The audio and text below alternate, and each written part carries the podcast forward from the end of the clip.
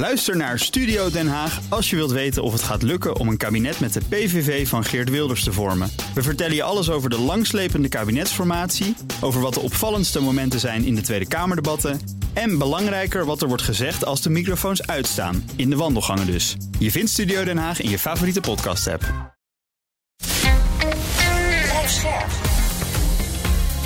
BNR Nieuwsradio. Boekenstein en de Wijk. Conor Klerks. Welkom bij Boekenstein en de Wijk. Het is maandag, dag 411 van de oorlog in Oekraïne. Dag heren, zalig Pasen. Ja, dankjewel. Vrolijke Pasen, vrolijke Pasen. Laten we beginnen bij de situatie in Bakhmut. Rob. Ja, kijk, uh, het klinkt als een soort herhaling, maar ja, je ziet dat die Russen steeds verder aan het, uh, aan het oprukken zijn.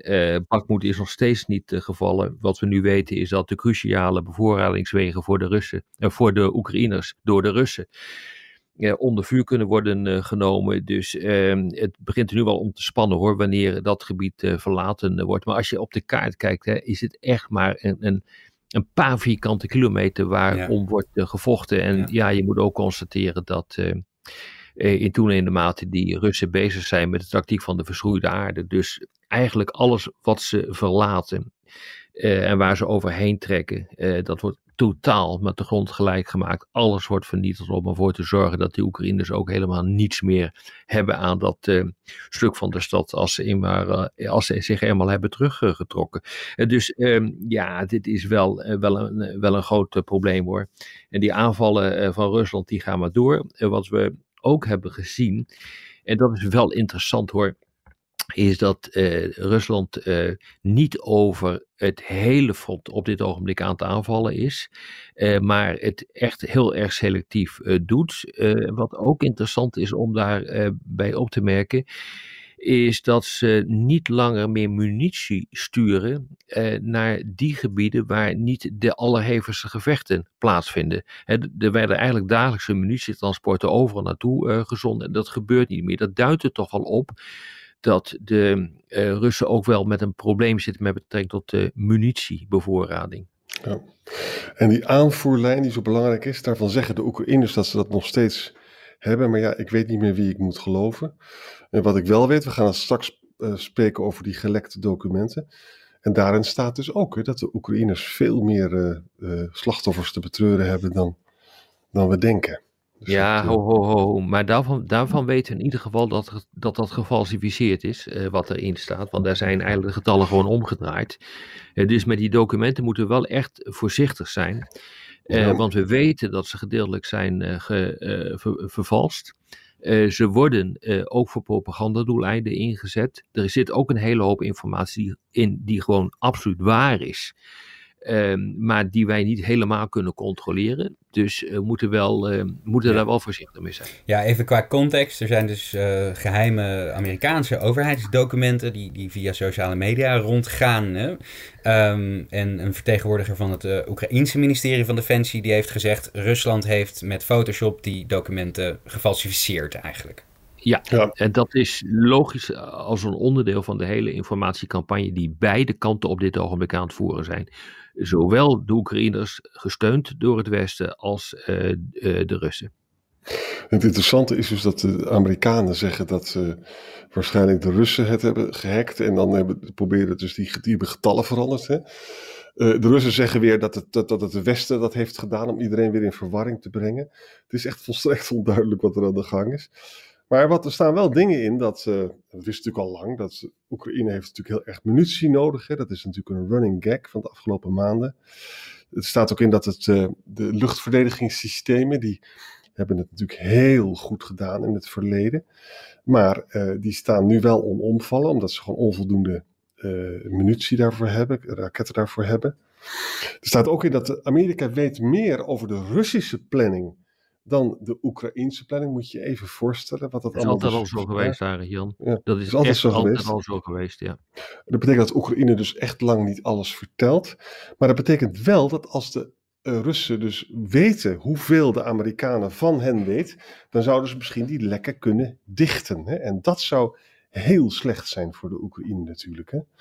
En er wordt, staat bijvoorbeeld ook in van ja, als zij... Uh, eh, als die air defense system dus zonder raketten komen te zitten, ja, dan kunnen de Russische vliegtuigen natuurlijk weer allemaal schade gaan uh, aan. Nou ja, wat je, wat je dan ziet is dat, uh, dat de Russische vliegtuigen, die kunnen dan echt uh, ongehinderd luchtsteun gaan ja. geven aan de grondtroepen. Daar zit, zit de crux in.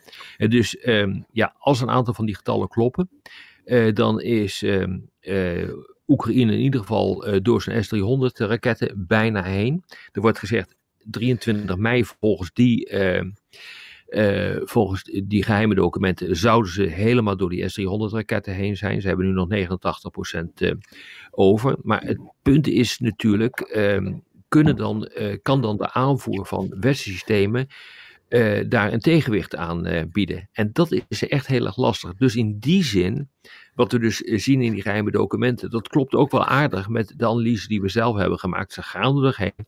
En als ze er doorheen gaan, dan is het maar zeer de vraag uh, wat Rusland dan kan gaan doen. En in, in die zin is het ook van belang dat Rusland natuurlijk ook door zijn, door zijn munitie heen ja. gaat. Hè? Dat hebben we een paar minuten geleden al besproken. Ja, maar de Amerikanen geven dus real-time warnings hè, over, over die missiles uh, die er aankomen. En dat staat dus nu op het spel als de Russen in staat zouden zijn uh, om die, uh, zeg maar die Amerikaanse mols in het systeem of de lekken in het systeem te dichten. Nou ja, dat heb ik ervan Dat zie je ook gewoon met satellieten hoor, uh, Arend Jan. Met satellieten en met onbemande vliegtuigen kun je gewoon zien of een raketaanval eraan zit te komen. Ja, maar ze weten, ze weten dus nog meer. Je, die, die, eh, ongetwijfeld zullen ze ook een mol in het systeem hebben, maar ja, die kan je ook wel zien. Zien gebeuren, daar heb je gewoon satellietsystemen voor nodig. En wat ik er echt wel heel geestig aan vind erop is dat beide partijen zeggen dus dat de ander het heeft gedaan. Hè? Dat vind ik zo grappig. Ja. En, uh, ja. en het is, eigenlijk ja. kan je er nog heel weinig over zeggen. Behalve dat het feit dat die getallen dus niet kloppen. Dat wijst natuurlijk wel in de richting van uh, groepen in Moskou of Sint-Petersburg. Nou ja, je moet, je moet heel voorzichtig zijn met dit soort uh, gegevens. Dat, uh, dat blijkt wel, ja. Maar tegelijkertijd weet je, het, het, is evident dat beide partijen, dus ook Oekraïne, door hun munitie heen gaat. En door hun, ook de munitie voor luchtafweersystemen heen gaat. Dat weten we al een hele tijd. Nou ja, dat wordt ja. hierdoor bevestigd. Hè. Als we het over raketten hebben. Die, ja. ja. Als we het over raketten hebben, hebben we natuurlijk ook over elektriciteit dat zo beschadigd is. Hè? Vandaag heeft ook ingezegd, ik vind het echt onvoorstelbaar, dat uh, er, er zijn geen blackouts meer nodig in Oekraïne. En er wordt zelfs de surplus elektriciteit wordt gewoon geëxporteerd. Dat klopt, maar dat heeft dus te maken met het feit dat die Russen dus ook zonder uh, raketten komen te zitten. En het aantal ja. raketten die ze afvuren op die, uh, op die, die elektriciteitsvoorziening, maar ook op de watervoorziening. Ja, dat is natuurlijk dramatisch. Is dat, is dat teruggelopen de afgelopen tijd? Maar ook dit is niks nieuws, want dit, dit, dit roepen we ook al een paar, wij, paar weken. En constateren we dit al een paar weken dat dat het geval is. Ja. Maar ja, goed, ik bedoel, om even nu verder hierover te gaan, want dit is echt wel heel erg belangrijk. En uh, kijk, het, het, klopt ook wel hè, wat, we, wat we constateren, uh, dat uh, dit een race is tegen de, de kwaliteit van, van Oekraïne, tegen de kwantiteit van Rusland. Dus Rusland moet in principe meer spullen in de aanbieding hebben voor die oorlog dan het Westen gecombineerd met, met Oekraïne. Dat is echt een groot probleem. Het is een kwestie ook van industriële capaciteit. Beide delen, ja. beide ehm, partijen Oekraïne en het Westen en Rusland zijn dus gewoon bezig uh, met uh, het oppeppen, het oppompen van de industriële capaciteit. Maar dat gaat niet hard genoeg. Hè. Er zijn nu ook berichten gekomen vanuit de Europese Unie. die hebben met veel fanfare hebben ze aangekondigd dat ze 1 miljoen granaten zullen gaan leveren. 155 mm granaten. Nou, die hebben de Oekraïners heel hard nodig. Maar realiseer je, ze hebben er 250 per maand nodig. 250.000. Duizend, ja. Per maand nodig. Ja. Dus ze zijn in vier maanden door de levering van Oekraïne van um, de Europese Unie heen. Tegelijkertijd weten we uh, dat dus uh, uh, de hoeveelheid die Oekraïne nodig heeft, veel en veel meer is dan de totale industriële capaciteit in Europa. En ook uh, als je dat ook eens een keer combineert met wat Amerika, uh, Amerika kan uh, gaan leveren, dan is dat ook heel erg weinig. Dus er worden nu kunstgrepen uitgehaald om ze bijvoorbeeld uit Noord-Korea te halen. Of, sorry, uit Zuid-Korea te, ha ja. te, halen. Die, die Zuid-Korea weer nodig heeft voor Noord-Korea. Vandaar ook de, de vergissing. Maar ook dat loopt niet lekker. En ook dat is weer een druppel op de groeiende plaat. Dat wordt, als je dat al zou kunnen gaan doen, hè, er wordt nu gesproken over 330.000 granaten, ja. ja, dan, dan is dat ook weer voldoende. Dus je zit aan alle kanten, zit je wel fout hier hoor. Ja, en die, die, oorspronkelijke belofte van de EU, kunnen ze dat, dat, dat kunnen ze eigenlijk niet meer waarmaken, toch Rob? Nee, met geen mogelijkheid. Nee, want uh, ze kunnen dat niet in een jaar produceren. Dat is wat we er nu van weten, is dat echt onmogelijk. Er zijn elf fabrieken in Europa uh, die dit soort granaten kunnen maken. Uh, en die kunnen collectief niet meer fabriceren dan, ja, dan, dan, dan wat Oekraïne nodig heeft. Ja, want ze hebben er dus een kwart miljoen per maand nodig. Hè? Ja. En, en bijvoorbeeld er staat een heel verhaal in de New York Times over een Noors bedrijf. Dat kan er in 2028 pas 280.000 per jaar produceren, weet je wel. Ja, Namo, ook die, geloof ik, hè? Namo, ja. Ja, En, en, en dus die belofte van 1 miljoen, dat, dat, dat, dat, dat duurt de EU gewoon, dat duurt minstens twee jaar. Dat dus, dus alleen al, ja, dus alleen al daarom zou je dus kunnen verwachten, dat, dat is dus een nadeel voor Oekraïne. Want op zichzelf genomen heeft Rusland heeft ook een tekort. Maar met name aan de precisie, ze hebben natuurlijk wel veel oude meuk nog liggen. Waar ze mee onprecies in middeleeuws aan de gang kunnen gaan. Hè? Ja. Dus het is toch wel verontrustend wat hier allemaal staat. Ja, het is echt heel verontrustend uh, wat er uh, gebeurt. Maar aan de andere kant moeten we ook constateren, het is niet echt zeer afwijkend van wat we de afgelopen uh, weken, maanden hebben gezegd. Uh, het, het, het, ondersteunt redelijk de analyses die er zijn gemaakt door ook onze collega's elders in de wereld. Ja, nou, nou we toch over die leak documenten, die gelekte documenten te hebben, daar, staan, er komen allemaal dingen. Elke uur wel komen er wel weer dingen, want iedereen zit het nu te lezen natuurlijk. Hè. Een van de dingen staat net op de Guardian site, 90 september vorig jaar schoten de Russen bijna een, bijna een Brits spionagevliegtuig neer. Hè. En, uh, Wallace heeft het toen afgedaan van, nou ja, dat is waarschijnlijk uh, is dat, uh, is het een foutje geweest. Het was niet intentioneel. Nou, uit die stukken blijkt dat het dus wel intentioneel was. En waarom sla ik erop aan? Omdat we, we gaan morgen in de podcast ook praten over de Cuba-crisis weer. Hè, naar een aanleiding van een heel mooi artikel. Nou, die spionagevliegtuigen die worden neergehaald, daar weten we alles van in het kader van de, van de Cuba-crisis. Maar ook op andere momenten in de, in de geschiedenis na 1945. Dat zijn hele gevaarlijke momenten. Dat, dat kan zo leiden tot een, uh, tot een wereldoorlog. Hè? Nou ja, weet je, even, is een goed oh. punt uh, die je maakt, Arend Jan. Uh, die Reaper, die, dat, dat is ook feitelijk ook een spionagevliegtuig van de Amerikanen. Die is neergeschoten door de Russen. Wanneer was dat? Drie weken geleden of iets dergelijks? Ja, ja. Kijk, het punt is, de Amerikanen hebben niks gedaan. En ik weet ook zeg maar vanuit mijn eigen kanalen dat de Amerikanen bang waren dat als ze iets zouden gaan doen, dat ging escaleren. Maar het, het probleem hiervan is dat de Amerikanen nu ook als zwak worden gezien. Uh, zwak om uh, te vergelden dat dit uh, gebeurd is. Want dit is niet niks hoor, zo'n Reaper neer halen. Om vervolgens te zeggen van nou ja, oké, okay, het was toch maar een Reaper. Um, en dit is allemaal niet zo'n probleem. Hè. Biden heeft er nogal zijn schou schouder ophalend over gedaan. Maar in de ogen van de Russen betekent dit gewoon dat die Amerikanen zwak zijn. Ja, exact, exact, exact. En dat je dus verdere stappen naar voren kan gaan nemen. Dus het is uh, wel echt een, uh, toch wel problematisch hoor, vind ik, wat hier gebeurt. En uh, als je het nu ook al zegt met een Brits spionagevliegtuig. Nou ja, jongens, dit is niet handig hoor. Nee, nee. Moeten we misschien praten, Connor, over, toch even over Macron in China. Ja, absoluut. Ja, die was, uh, was natuurlijk uh, in China en daar um, is kort na zijn vertrek zijn de Chinezen weer begonnen met, met oefeningen rondom Taiwan. Maar Macron heeft daar ook wat interessante dingen gezegd, ja, die wel ook passen in, in wat we eerder van hem hebben gehoord. Hij zijn stokpaardje van de strategische autonomie. Um, maar het belangrijkste dat hij zei is eigenlijk dat in, in zaken van Taiwan dat Europa niet de Amerikaanse lijn zou moeten volgen. Dat we ons daar eigenlijk niet in mee moeten mengen, omdat dat, dat het voor de EU helemaal niet. Uh, strategisch is het helemaal niet in ons belang dat daar natuurlijk iets gebeurt. Uh, en daar uh, zijn geloof ik nogal wat mensen boos over, Arjan. Ja, het is interessant, want je ziet dus dat zowel Van der Leyen als Macron gewoon heel duidelijk hebben gezegd van ja, mensen, Amerikanen praten wel over decoupling en zo, maar dat, dat, vinden we helemaal geen goed idee.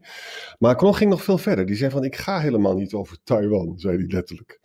En ik bespeur bij mijn Chinese vriend eigenlijk helemaal geen wens om over, te overreageren. Dus wat er eigenlijk aan de hand was, was dat Macron speelde een klassiek holistische kaart.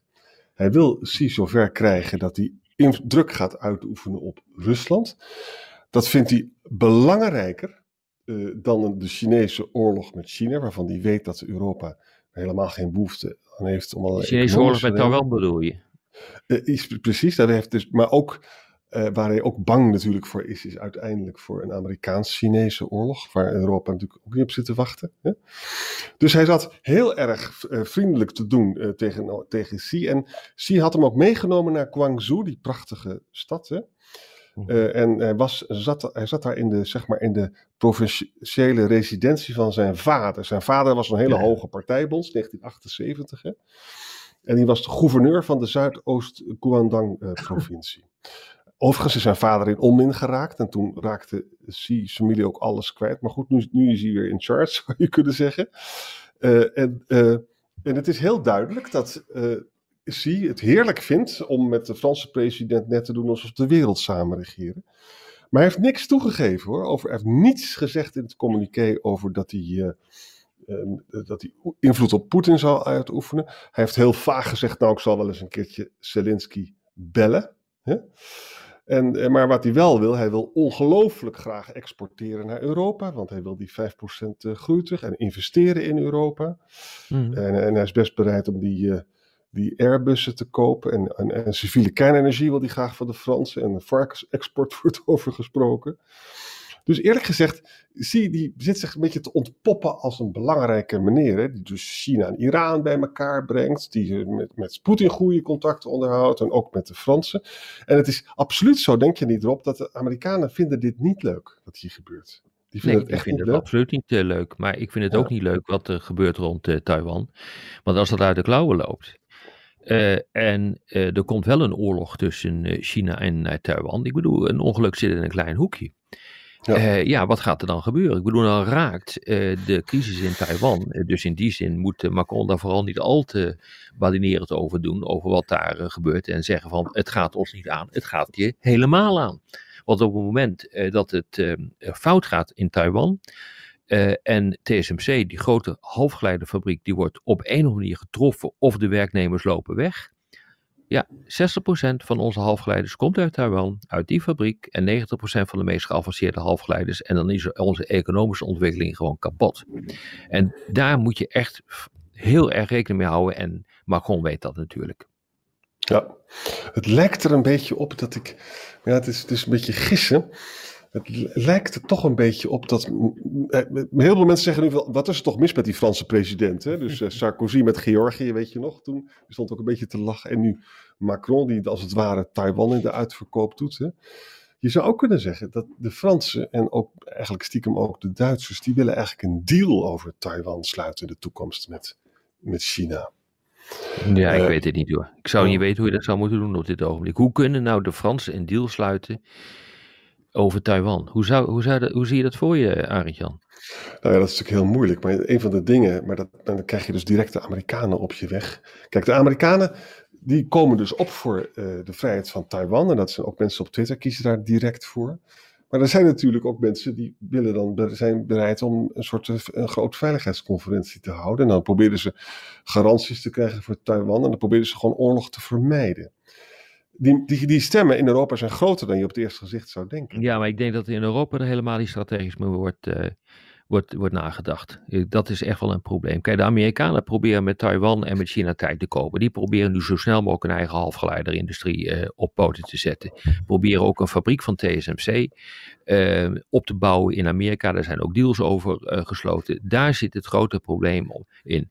Ik, ik, ik denk dat we een totaal verschillende visie hebben over wat Taiwan nu eigenlijk voorstelt. De Amerikanen die zien heel goed wat het economische belang is uh, van, uh, uh, van Taiwan. Dit is een, een sleutelspeler in de wereldeconomie. En zonder dat, zonder die fabriek, hebben we echt een gigantisch probleem. Dus ehm, ja, en dus dat, dat debat wordt gewoon niet goed gevoerd, vind ik. De Amerikanen die zijn bezig toch met een vorm van brinkmanship. Dus uh, dat betekent, je gaat eigenlijk tegen de rand aan, maar niet helemaal over de rand. Uh, maar het kan helemaal fout gaan en dan ben je Taiwan kwijt. Inclusief die fabriek. En de Europeanen die proberen door middel van pappen en nat houden uh, de zaak uh, zo veel mogelijk te sussen. En hopen dan maar dat die halfgeleiders Europa, naar Europa komen. Maar liggen met zichzelf in de clinch en met China ehm, over de vraag van moet dan ook TSMC zo snel mogelijk een fabriek bouwen bij Dresden. Nou ja, dit is een heel complex uh, probleem, wat natuurlijk totaal versimpeld wordt in goed en fout. En dat is niet, en dat is niet het geval op dit moment. Exact, ja. En het probleem is natuurlijk ook dat Europa mist de militaire kracht om daar iets van betekenis te doen. En Amerika heeft dat natuurlijk wel. Nou, waar... ho, ho, dat is maar zeer de vraag. Hè? Eh, we hebben het net even gehad over uh, uh, hoe zwak Amerika wordt gezien door Rusland met betrekking tot het Reaper-incident boven de Zwarte Zee. Maar dat gebeurt natuurlijk nu ook, realiseer je. In 95, 96, de vorige eeuw dus, hadden we een Taiwan-crisis. Uh, de president die uh, bezocht toen Amerika, want die wilde een, een speech houden aan de Cornell Universiteit. Daar, hij daar had hij ooit gestudeerd. Amerikanen waren niet blij omdat hij dat deed. De Chinezen waren woest. En die begonnen toen met rakettesten. Wat de Amerikanen toen deden, dat moet je realiseren, die stuurden toen oorlogsschepen de straat van Taiwan in. En dat heeft ja. grote indruk gemaakt op, op China. Dat kunnen ze op dit ogenblik niet meer doen.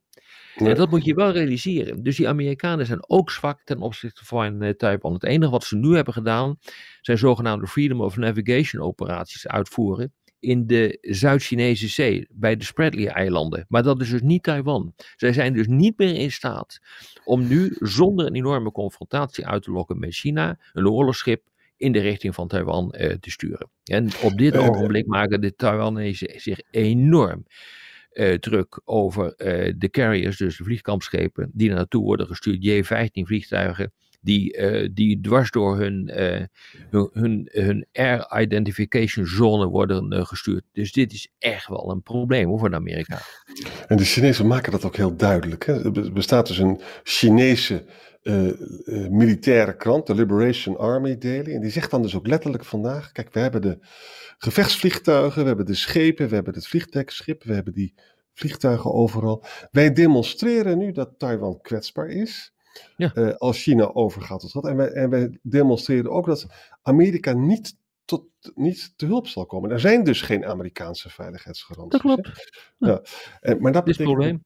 Maar, dat, maar er zijn natuurlijk cynici in Europa die dan zeggen van kijk, als, als het Chinees militair overwicht daar is, moeten we dan niet gewoon gaan praten? Snap je wat ik bedoel? Ja. Draai je dus gewoon alles om. Ja, dat klopt. Maar waar moeten ja. we over gaan praten? Nou ja, dan, dan, dan, ga je dus, dat gebeurde in de 19e eeuw. En dan, was je, dan had je dus, uh, je zag in dat je dat niet kon winnen. En dan kreeg je het. Maar waar moet je dan over gaan praten, jongens? Ik bedoel, uh, er wordt al lang erkend dat erkent dat Taiwan onderdeel is van China. Er is eigenlijk niemand, ook de Amerikanen, uh, die zeggen dat is niet zo. Dus waar zou, je dan over moeten, waar zou je dan over moeten gaan praten? Een bevestiging van dus de One China policy. Eigenlijk is Taiwan dus is veel zwakker dan Oekraïne in elkaar. Hè? Uh, en ook dus dat, uh, ja, eigenlijk verkoop je dus het democratische regime daar. Uh, en dat is iets wat natuurlijk in het Westen niet kan. Dat mag niet. Dan ben je immoreel en zo. Maar machtspolitiek zitten we daar heel dichtbij. Hmm. Nou ja, ik moet het nog zien. Ik bedoel, het draait allemaal volgens mij om uh, de halfgeleiderindustrie, om uh, Taiwan. En als de Amerikanen ehm, daar geen. als de Amerikanen feitelijk dat probleem hebben gecompenseerd. dan moet ik nog zien wat ze met Taiwan gaan doen. Ja, en dat geldt ook voor de Europeanen. Ja, want als, pure keiharde machtspolitiek dit. Ja, als, als Amerika in staat is om TSMC, uh, die, die, die, die, in die Arizona fabrieken, maar dat duurt wel jaren, maar stel je voor dat die op orde is, dan, laten ze, dan kunnen ze Taiwan laten vallen. Want ja, dan zijn ze, dat zeg ik. Dan zijn ja, ze gered.